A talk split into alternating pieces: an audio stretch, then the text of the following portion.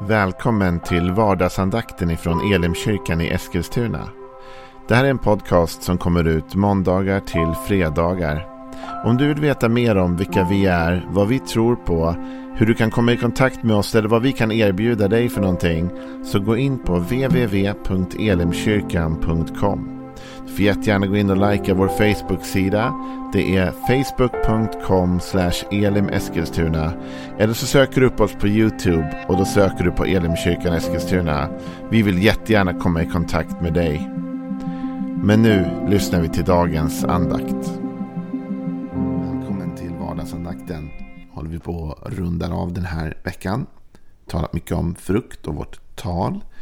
Eh, och det är det vi ska avsluta med också.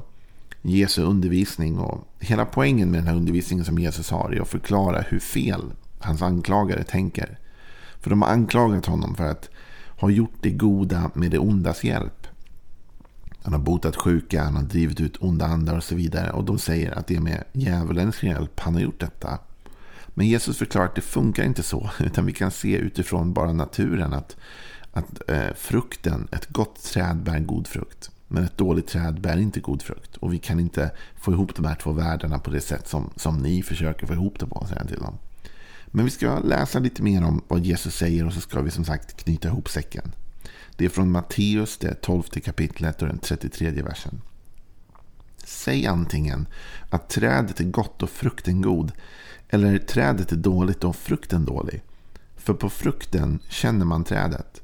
Huggormsyngel, hur skulle ni som är onda kunna säga något gott?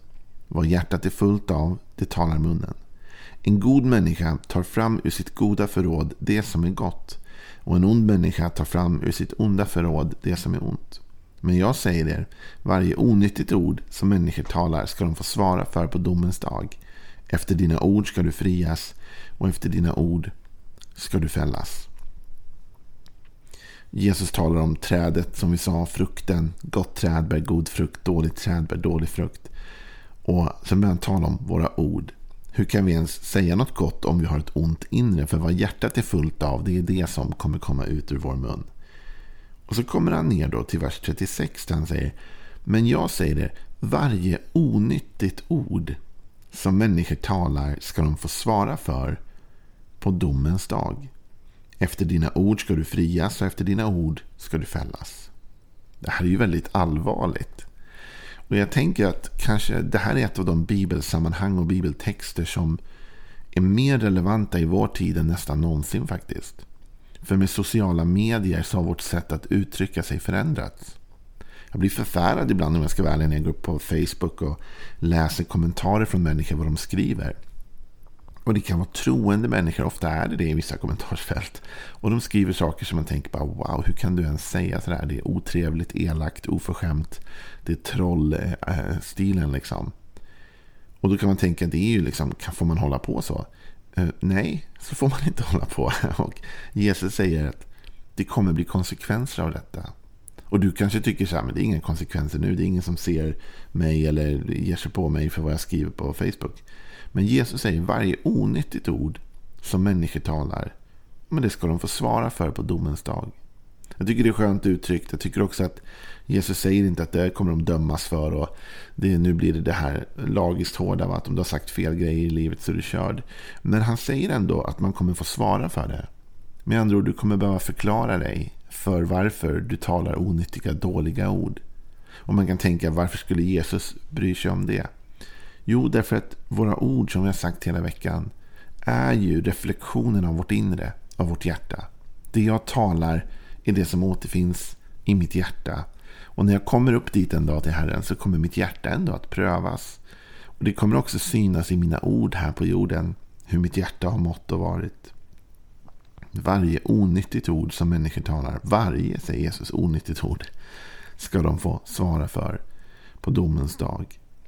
Och det är inte bara negativt, för Jesus säger efter dina ord ska du frias. Det är faktiskt där han börjar. Och efter dina ord ska du fällas. Du vet, en prövningsnämnd kan ju vara bra ur två perspektiv. En del kanske tycker det är jobbigt om det finns en prövningsnämnd och man tänker nej, då kommer de pröva och de kanske kommer liksom döma mig skyldig. Ja, men de kan också döma dig fri. Det är också fantastiskt att bli friad. Att få veta att någon har granskat mitt liv eller mitt arbete eller vad det nu är. Och de har också godkänt mig, sagt att jag är friad, jag har inte gjort något fel. Och här säger Jesus att vi kan bli friade också om vi väljer de goda orden. Så kanske Gud där uppe en dag säger bra, du snackade inte så mycket trams. jag vet inte om han säger till mig, jag får se vad han säger till mig. Allting får jag ändå hoppas faller under Jesu nåd såklart, och hans barmhärtighet. Och det är liksom, ingen kommer ju in i himlen på grund av orden vi har sagt. Utan vi kommer in på grund av om vi har tagit emot Jesus i vårt hjärta och bekänt honom då som Herre. Men ändå är det så att Jesus poängterar en, en lyfter fram en poäng här. Va? Det är inte orelevant vad du säger. Det är inte orelevant vilka ord du talar. Det märks, det märks till och med upp i himlen. Och en dag så kommer Gud också att liksom prata med dig och mig om hur vi har talat. Du, det där du sa bakom ryggen på den där, det där du talade där. Det där onyttiga orden. Varför talade du på det sättet? I Efesebrevet så lägger Paulus ut det här lite grann och uppmanar dem då. Han säger så här i Efesebrevet 4.29. Låt inga smutsiga ord komma över era läppar. Utan bara det som är gott och bygger upp där det behövs. Så att det blir till glädje för dem som hör det. Och sen står det faktiskt till och med i raden efter. Bedröva inte Guds heliga ande som ni har fått som ett sigill för befrielsens dag. Lägg bort all bitterhet, häftighet och vrede, allt skrikande och förolämpningar och all annan ondska. Var istället goda och barmhärtiga mot varandra och förlåt varandra, så som Gud i Kristus har förlåtit er. Här lägger Paulus till och med in och säger att, att häftigheten, vreden, skrikandet och förolämpningarna är ondska. Det är ondska. Jag skulle utmana oss ibland. Ibland kan vi till och med ha en sån här, du vet, skämtsam jargong där vi förolämpar varandra lite på skoj. Och det är klart, det kan man väl ta lite grann. Men samtidigt så talar Paulus här om att förolämpningar egentligen i all form är ondska. Det är inte något gott. Att trycka ner någon annan, att driva med någon annan. Det är inte det goda. Skrikande är inte gott. Häftighet är inte gott. Utan det är ondska, säger Paulus. Och istället ska vi försöka vara goda och barmhärtiga mot varandra och förlåta varandra. Låt inga smutsiga ord, säger Paulus i det här är folkbibelns översättning, men i, i Bibel 2000 så står det Öppna inte munnen för ofruktbart prat. Utan säg bara sånt som tjänar till att bygga upp där det behövs. Så att det blir till välsignelse för de som hör på. Här får vi ju tre nycklar kan man säga på en gång. Om hur vi ska tänka kring vårt tal. Det första är vårt tal bör vara fruktbart. Det bör vara, bör vara något positivt. Något som resulterar i någonting. Vi behöver inte snacka massa trams som inte leder någonstans. Utan försök att öppna munnen för det fruktbara pratet. Det som tillför någonting. Det som ökar på någonting. Och så säger han, säg bara sånt som tjänar till att ett, bygga upp där det behövs. Och blir till välsignelse nummer två. Så du och jag, vi ska tala när vi känner att vi tillför någonting till samtalet. När vi bygger upp någonting. När jag hjälper någon annan. När jag stärker någon annan. De orden ska jag använda för att bygga upp och stärka och uppmuntra. Men eh, inte det som river ner såklart. Och jag ska också tala det som blir till välsignelse för den som hör det. Inte välsignelse för mig som talade eller till välsignelse för andra människor utan till välsignelse för den jag talar med. Mina ord bör vara till välsignelse, till uppbyggelse för den personen. Och att jag får låta det ofruktsamma pratet stanna någon annanstans.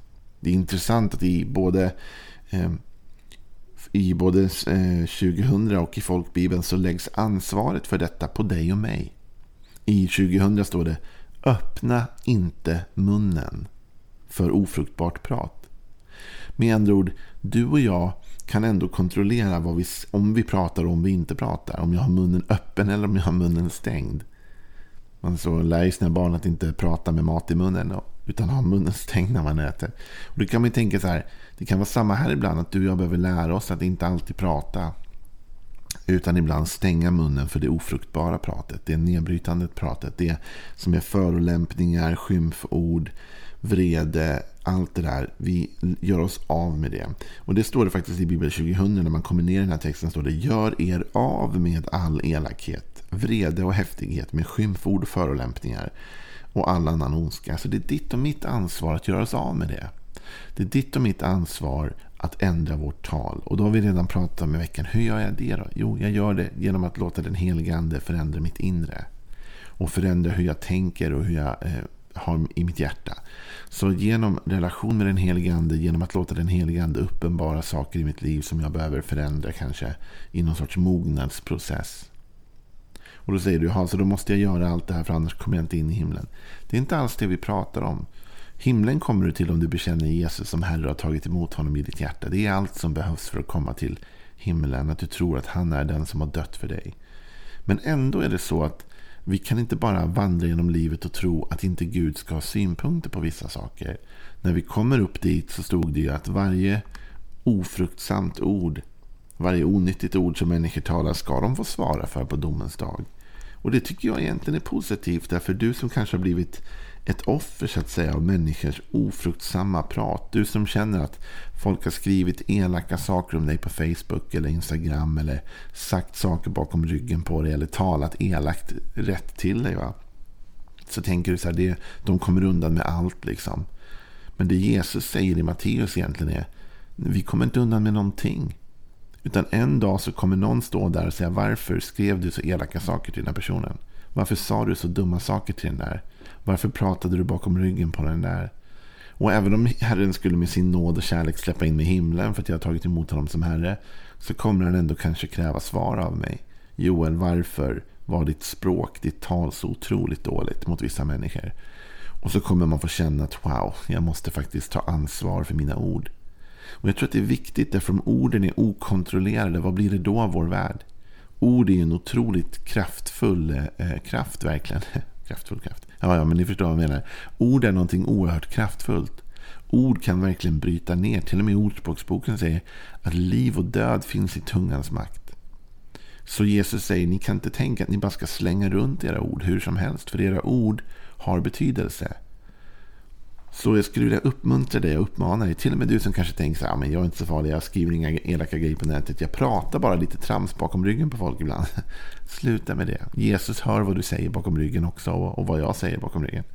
Jag är inte bättre än du och du är kanske inte bättre än mig. Eller så är det det, vad vet jag. Men ingen av oss är så bra som Jesus i alla fall. Så det handlar inte om att känna fördömelse, men det är en uppmaning att ändå snälla tänka på hur du och jag talar och att det faktiskt får konsekvenser. I folkbibeln stod det Låt inga smutsiga ord komma över era läppar. Men ändå, det är du och jag som måste ändå sätta stopp för detta. Vi måste ta kontroll över det. Och det är faktiskt också för vårt eget bästa. Vet att i Ordspråksboken 21 och vers 23 står det. Den som vaktar sin mun och sin tunga bevarar sitt liv från svårigheter.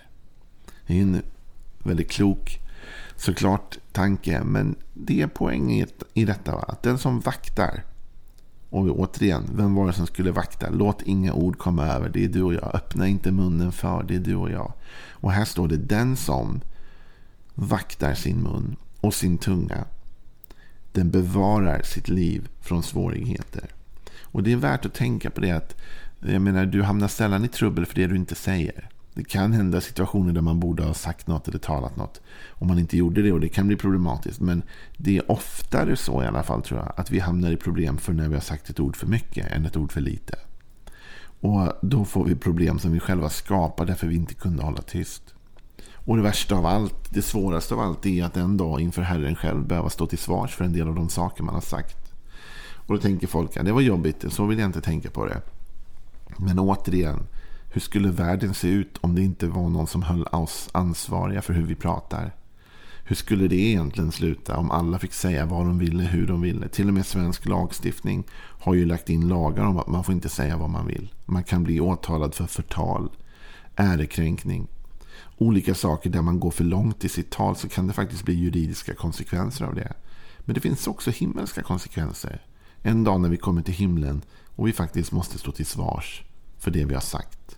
Jag läser det igen från Matteus 12 och låter oss ta med de här orden in i helgen och tänka på. Varje onyttigt ord som människor talar ska de få svara för på domens dag. Efter dina ord ska du frias och efter dina ord ska du fällas. Ha en välsignad dag. På måndag är vi tillbaka igen. Och så tänker vi över vad vi säger egentligen under helgen. Hej då.